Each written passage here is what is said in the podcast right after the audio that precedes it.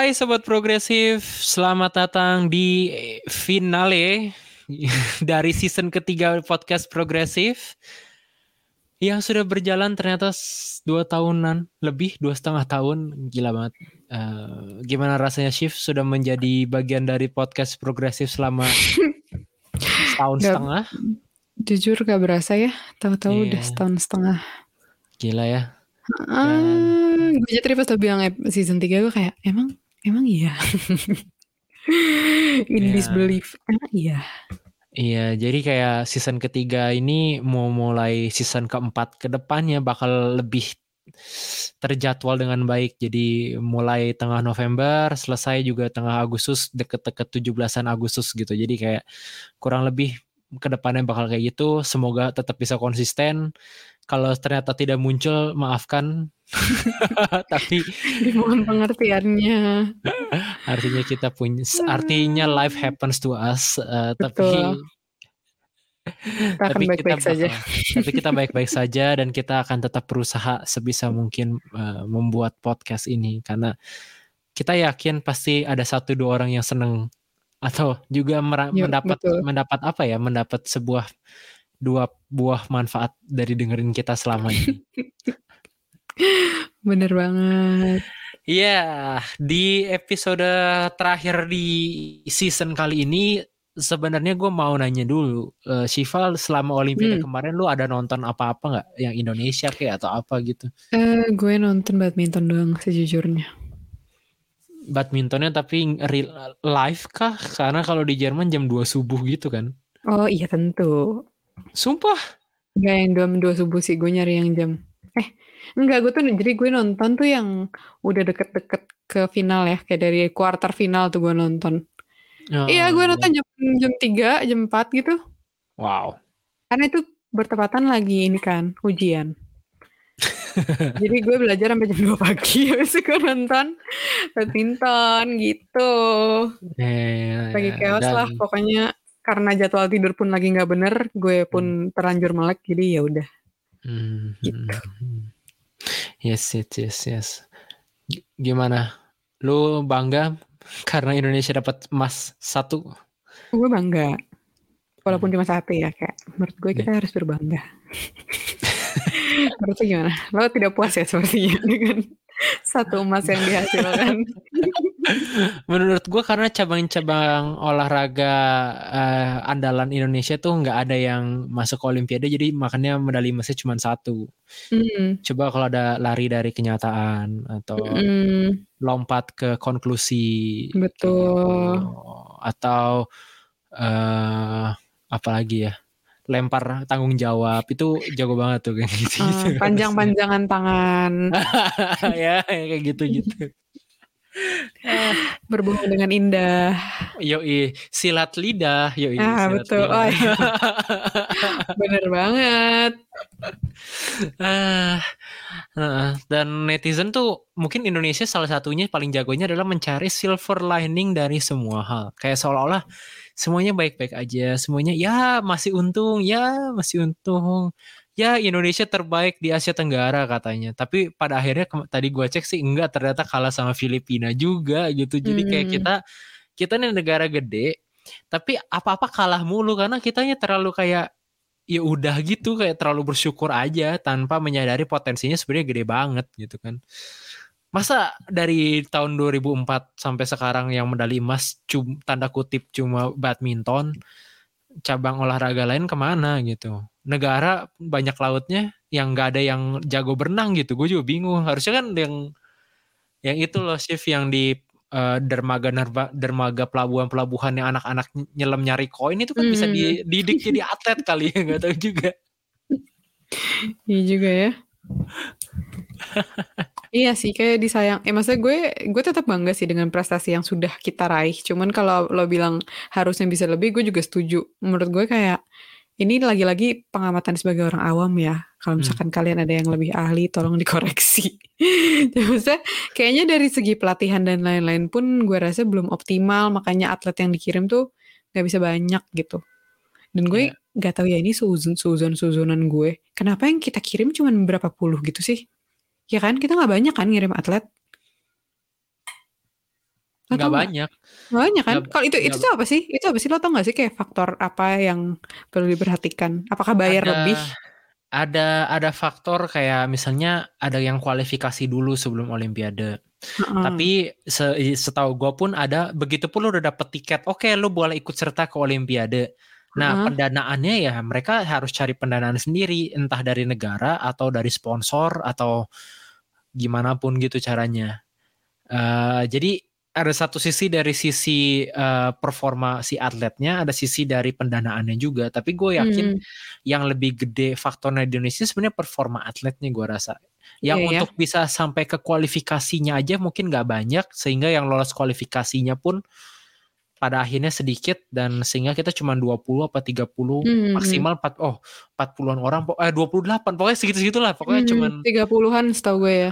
iya dan dan nggak banyak dan dari tahun ke tahun gue tuh sempat eh, lihat kan di Wikipedia nggak nambah segitu-segitu aja Mhm. kayak kalau inflasi man harusnya 1,5 persen per tahun Iya. harusnya kan Heeh. nambah 1,5 Iya, iya. persen gitu kan ini nggak ngikutin inflasi gitu beneran Iya stagnan. sih. Tadi gue pikir kalau misalkan memang problema terbesarnya finansial, gue rasa kayaknya enggak deh gitu. Soalnya kayak, kayak kita Hmm. punya cukup duit deh untuk ngirim atlet ke Olimpiade gitu kan. Ya, Cuman ya, ya. kalau memang kualifikasi ya berarti yang harus di tackle masih tentang pelatihan dan Ya, lain tapi- sebagainya. tapi itu pun juga nggak terlepas dari f- apa ya kemarin gue baca tweet entah tweet orang atau Instagram orang ya, yang Mhm. ngejelasin tentang pembinaan olahraga tuh semuanya juga ada financial politics juga. Kayak nggak Hmm. harus misalnya em, pemerintah mendanai semua olahraga tapi yang penting tuh pengarahan dari eh, duit. Misalnya contohnya kenapa badminton itu selalu berhasil? Bukan karena pemerintah selalu ngasih duit itu kan karena ada jarum salah satunya yang paling besar berperan kan yang mereka mencari anak-anak mereka bikin audisi terbuka yang lolos audisi mereka biayain sekolah mereka sekolahin atlet mereka bikin turnamen-turnamen di daerah gitu buat anak-anak yang berbakat. Itu kan duitnya dari jarum semua bukan dari platnas bukan dari pemerintah. Tapi kan kenapa bisa di badminton seperti itu? Karena ada orang kaya suka badminton dan dia pengen membantu Indonesia supaya badmintonnya bagus. Itu kan sebenarnya bisa kalau misalnya orang-orang kayak oke lu nggak usah bayar pajak pajaknya dikurangin tapi lu suka olahraga apa lempar lempar lembing gitu ya Hmm. udah lebih bantuin gua dong Lembing. bikin tolong dibikin eh, sentra-sentra lempar lembing gitu atau sentra-sentra berkuda nggak tahu deh apa yang yang gitu-gitu yang eh, yang bisa mensupport dan kalau masalah duit mah gue yakin ada lah dari orang-orang kaya bisa minta tinggal kebalik tinggal masalahnya ini mah kayak kemauan gue rasa. Mhm. Setuju, Iya. setuju, setuju.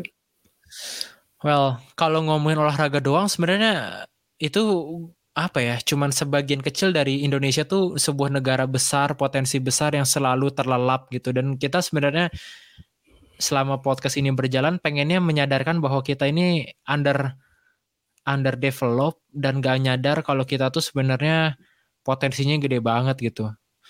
Eh, dari season ini aja contohnya udah banyak hal yang kita bahas yang sebenarnya kita tuh kesel bukan karena kesel karena gimana ya, cuman kesel karena eh, sebenarnya bisa gitu, tapi tidak berjalan dengan baik. Gimana ya? Kalau misalnya eh bu, pohon kita nanam yang memang pohon yang nggak bisa berbuah, terus kayak ya kalau kita marah-marah dia nggak berbuah ya kita yang salah dong gitu. Tapi ini kayak kita Mhm. nanam mangga, biji super bagus, tanahnya gembur itu. Tapi kok nggak berbuah berbuah? Keselnya kan di situ. Lu ada inget gak sih mungkin kayak mungkin dari episode eh, belakangan ini atau dari tahun-tahun tahun dari awal tahun ini ya kayak lu rasa sebenarnya ini tuh potensi yang gede banget yang tapi kenapa sih nggak ke develop atau kenapa sih belum terdevelop dengan baik gitu Maksudnya gimana? Dari tema tema-tema tertentu atau kayak topik-topik yang sempat kita bahas yang kayak lu kayak rasa kenapa sih gitu kenapa kayak gitu sih kenapa nggak nggak di develop lebih bagus yang tahun ini terjadi apa ya? Paling yang terlintas di eh, kepala gue secara spontan itu ya tentang penanganan corona. Maksudnya Hmm. ini udah memasuki tahun kedua pandemi. Terus kemarin lihat gelombang ke keberapa itu? Kemarin kedua ya? Hmm. Bisa separah itu lagi. Dan Hmm. terus kayak gue agak wow terkejut dengan uh, pernyataan Bapak Luhut ya waktu itu dia bilang, "Iya sekarang kami sudah mengetahui bahwa uh, kuncinya adalah di testing dan tracing." Gue kayak hello yang nggak salah sih tapi kayak lo agak satu tahun ketinggalan tren ya kayak. Itu kenapa itu bisa terjadi? Itu itu sih yang paling gue pertanyakan dan paling gue sayangkan. Penanganan corona. Satu. Sebelah lagi ya. Apalagi ya? Lo setuju kan tapi tentang penanganan corona? Oh ya, eh, ya setuju banget, setuju banget. Dan gue baru sadar ternyata angka testing 100 ribu sehari di Indonesia tuh itu tuh termasuk tes antigen, ah serius sumpah. oh Dan enam- 60% dari angka total tes itu tes antigen. Berarti Oh. tes PCR itu tuh cuma 40 ribu satu Indonesia per hari. hmm.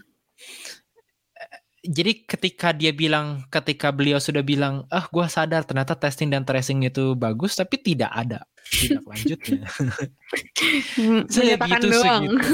segitu segitu aja. Sama kayak wah kita mau Indonesia jadi juara Olimpiade. Iya kita juga pengen tapi lihat dari 2004 2008 2012 16 segitu segitu aja. Yang nyampe ya 30 orang juga yang menang emas ya badminton badminton lagi ya bagus cuma ya ya lu ngerti gitu salahnya gimana Kayak gimana ya? Kayak lo inter, kayak lo evaluasi diri gitu. Dalam arti lo ngalis apa aja yang setelah lo eh, salah lah. Kayak apa aja yang lo eh, kerjakan dengan bagus dan apa aja yang enggak. Hmm.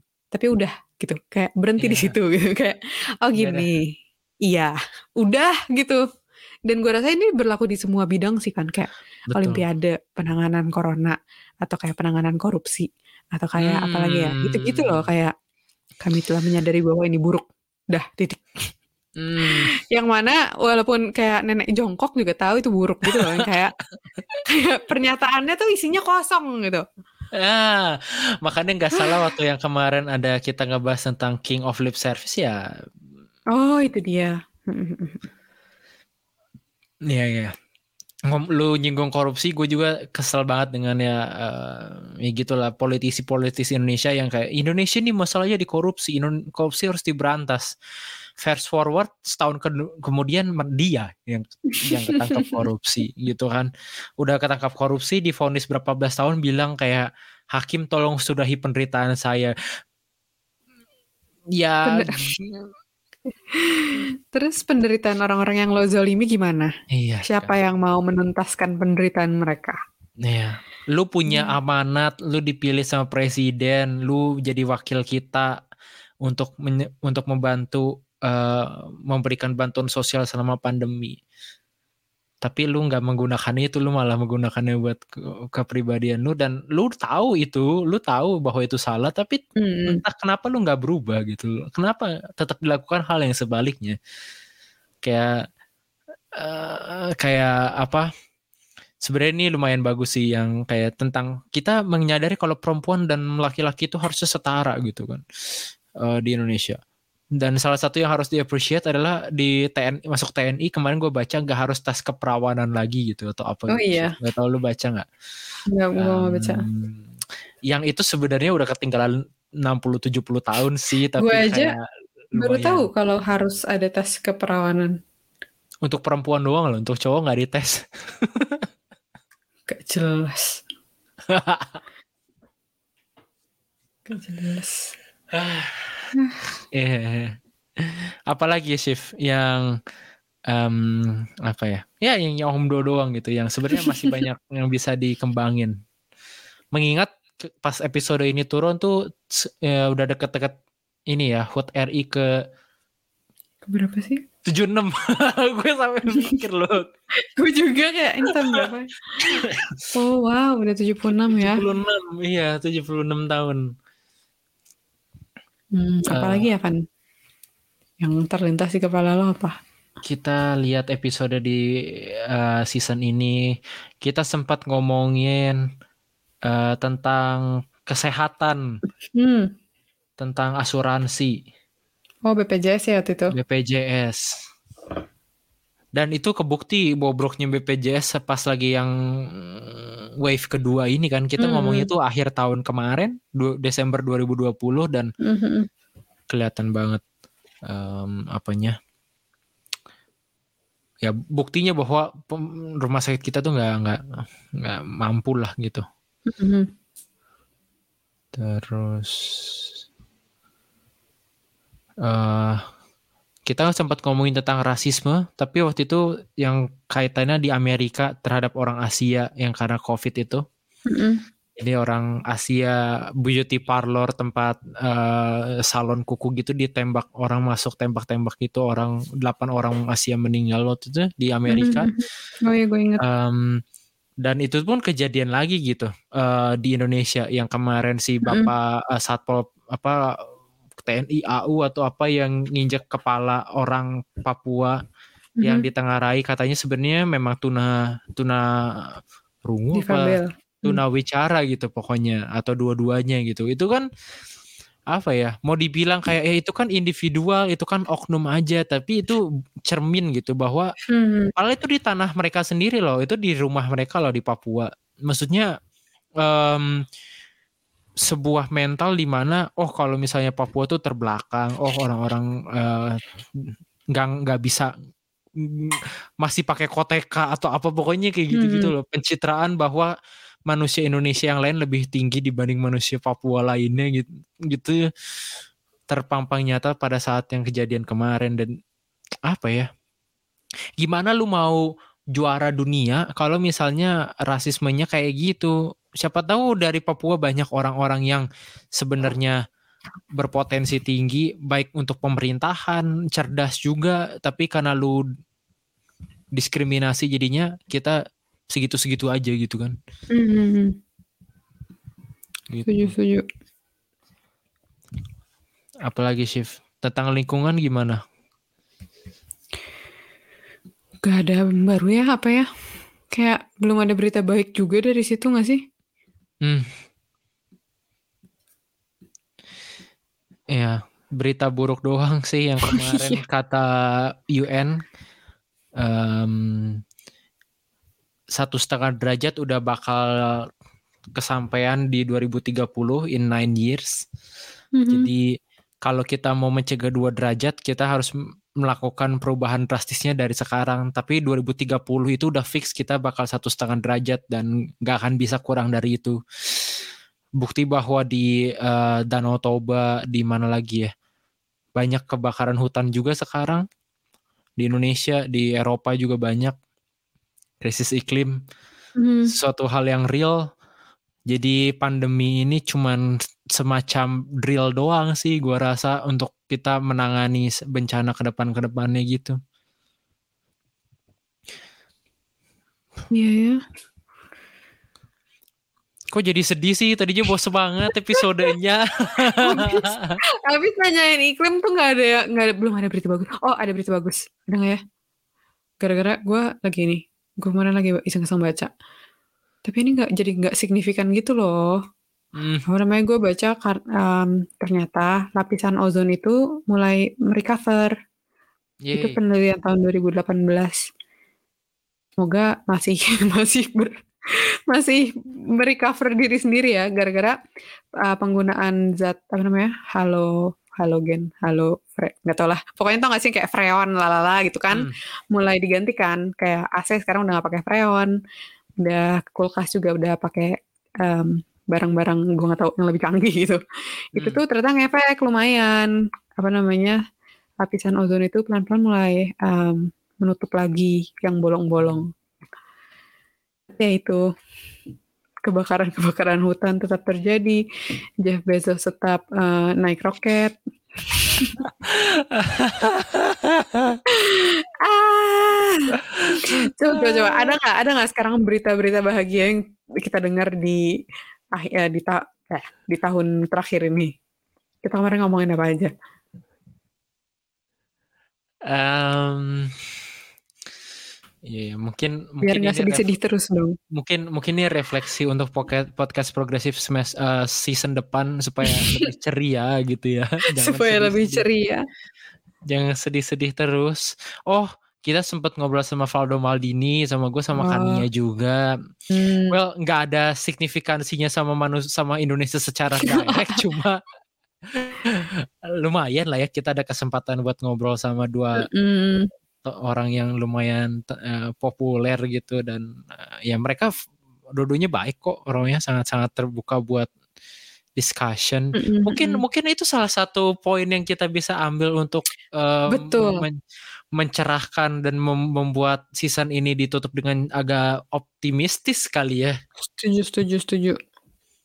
Apa Shiv yang lu eh, dang- tangkap dari diskusi kita sama Valdo atau sama Kania atau sama Ya. narasumber yang lain vibe-nya Hmm. gitu yang lu dapet Yang gue tangkap adalah eh, masyarakat kita mulai terbuka untuk diskusi, Hmm. mulai bisa memahami pendapat orang lain, lebih bisa agree to disagree, lebih bisa apa ya?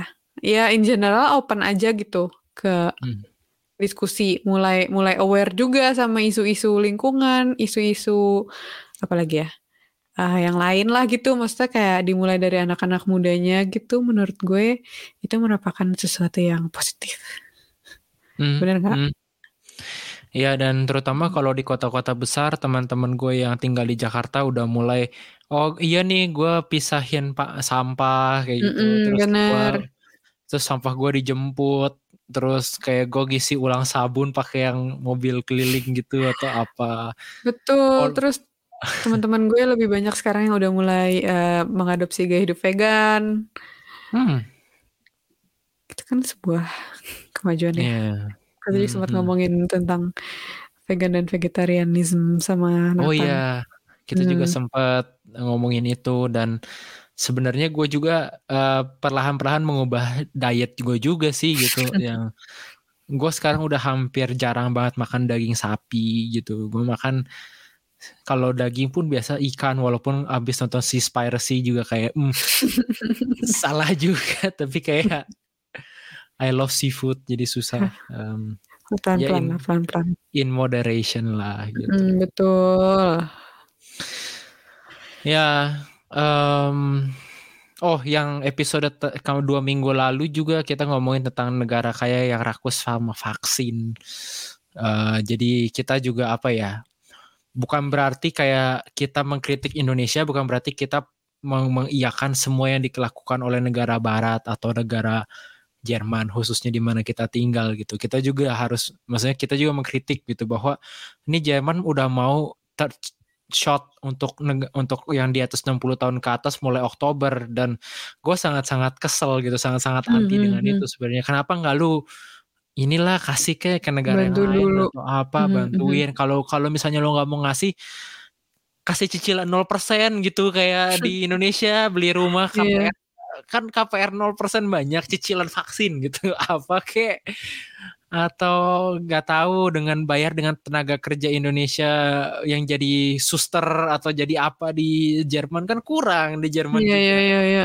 Ya, misalnya gua walaupun jadi kayak perdagangan orang tapi kan eh, itu kan solve banyak masalah dari banyak Hmm. pihak Ya, kayak ya tapi itu eh, adalah diskusinya seru juga eh, dua minggu lalu bersama dengan eh, Stefani Tanus waktu itu yang anak eh, international studies Em, terus tadi gue mau ngomong apa ya Ayo. Eh, mungkin kesimpulan dari podcast progresif ini selama yang tiga season berjalan ini kayak satu kita harus kritis dengan apa yang ada gitu. Bukan berarti kita tapi bukan berarti kita menya- hanya menyalahkan keadaan aja gitu. Jadi kalau terkesan kesannya kita kayak selalu oh ini salah pemerintah ini salah ini, ini salah itu ya benar kita harus sadar dulu sebenarnya ini masalahnya scale-nya seberapa gede gitu kan.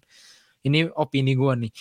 Jadi dengan sadar bahwa masalahnya skillnya segimana kita nggak merendahkan tapi juga nggak men- terlalu membesar-besarkan masalah yang mu- mungkin skillnya nggak segimana besar nah ketika udah tahu masalahnya segede apa kita bisa menentukan oke part gua itu untuk melakukan untuk memper memperbaiki atau setidaknya tidak memperparahnya itu apa kayak gitu loh. Jadi kayak gue nggak setuju kalau kita mm, harus berhenti baca berita karena kalau nggak menyebar kenegatifan gitu kan waktu itu kan hmm. ada yang stop sebar berita corona atau stop berita negatif supaya kita uh, positif vibe gitu kalau di internet. Ya nggak bisa. Kita harus tahu masalahnya. Kita jangan buta. Kayak gitu.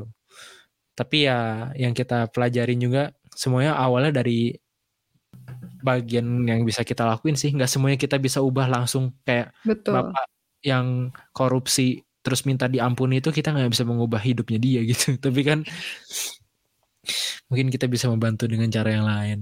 Mm -mm, setuju. Ada kesimpulan lain nggak lift uh, shift siapa?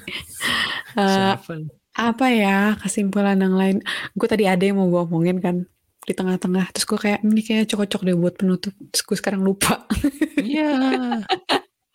tapi intinya gue setuju sih sama apa yang Evan udah bilang mungkin nambahin aja kayak um, di dalam semangat bertujuh belasan ini mm. gue ngomong udah gak make sense uh, ya mari kita berefleksi seperti yang sudah kita lakukan namun mari kita berpikir gimana cara untuk memperbaiki diri lagi karena gue yakin potensi kita sebagai bangsa itu besar sekali. Hmm. Apalagi sekarang-sekarang yang tadi kita ngomongin awareness anak-anak muda juga sudah mulai meningkat, udah lebih terbuka ke diskusi dan lain-lain sebagainya. Gue rasa kita bisa. Asik. Betul, asik. Kita bisa. Asik, kita bisa. Balik lagi gitu. Gue bukan pengen demi Indonesia jadi juara dunia karena it doesn't make sense kalau Indonesia juara dunia tapi tapi kita nggak sejahtera, kita nggak bahagia hidupnya. I mean kayak otomatis kalau kita jadi negara yang lebih bagus, orang-orang yang lebih keren-keren gitu, otomatis harusnya negara kita, orang-orang di, di sekitar kita, keluarga kita bisa hidup dengan lebih sejahtera gitu. Dan ya, yeah, we'll see. Gue hmm. harap sih uh, Indonesia nggak nggak berpuas diri lagi jadi juara ASEAN ya, karena nggak level gitu. ASEAN doang mah. Uh, kita levelnya udah dunia lah. Kita levelnya kita, we have to shoot for the stars. Jangan berpuas-puas diri di ASEAN. Betul. Betul, betul, betul, betul. Oke, okay. thank you Sobat Progresif yang sudah mendengarkan selama dua tahun setengah. Ini adalah akhir dari season ketiga. Kalau teman-teman semua punya kritik, saran, masukan, silakan DM di Instagram at podcast underscore progresif. Jangan lupa di follow juga di Spotify uh, karena itu membantu kita untuk stay di top Uh, Society and Culture Podcast di Spotify. And ya, yeah, gue bakal liburan dulu, gue bakal ke Indonesia uh, selama sebulanan. Siva juga.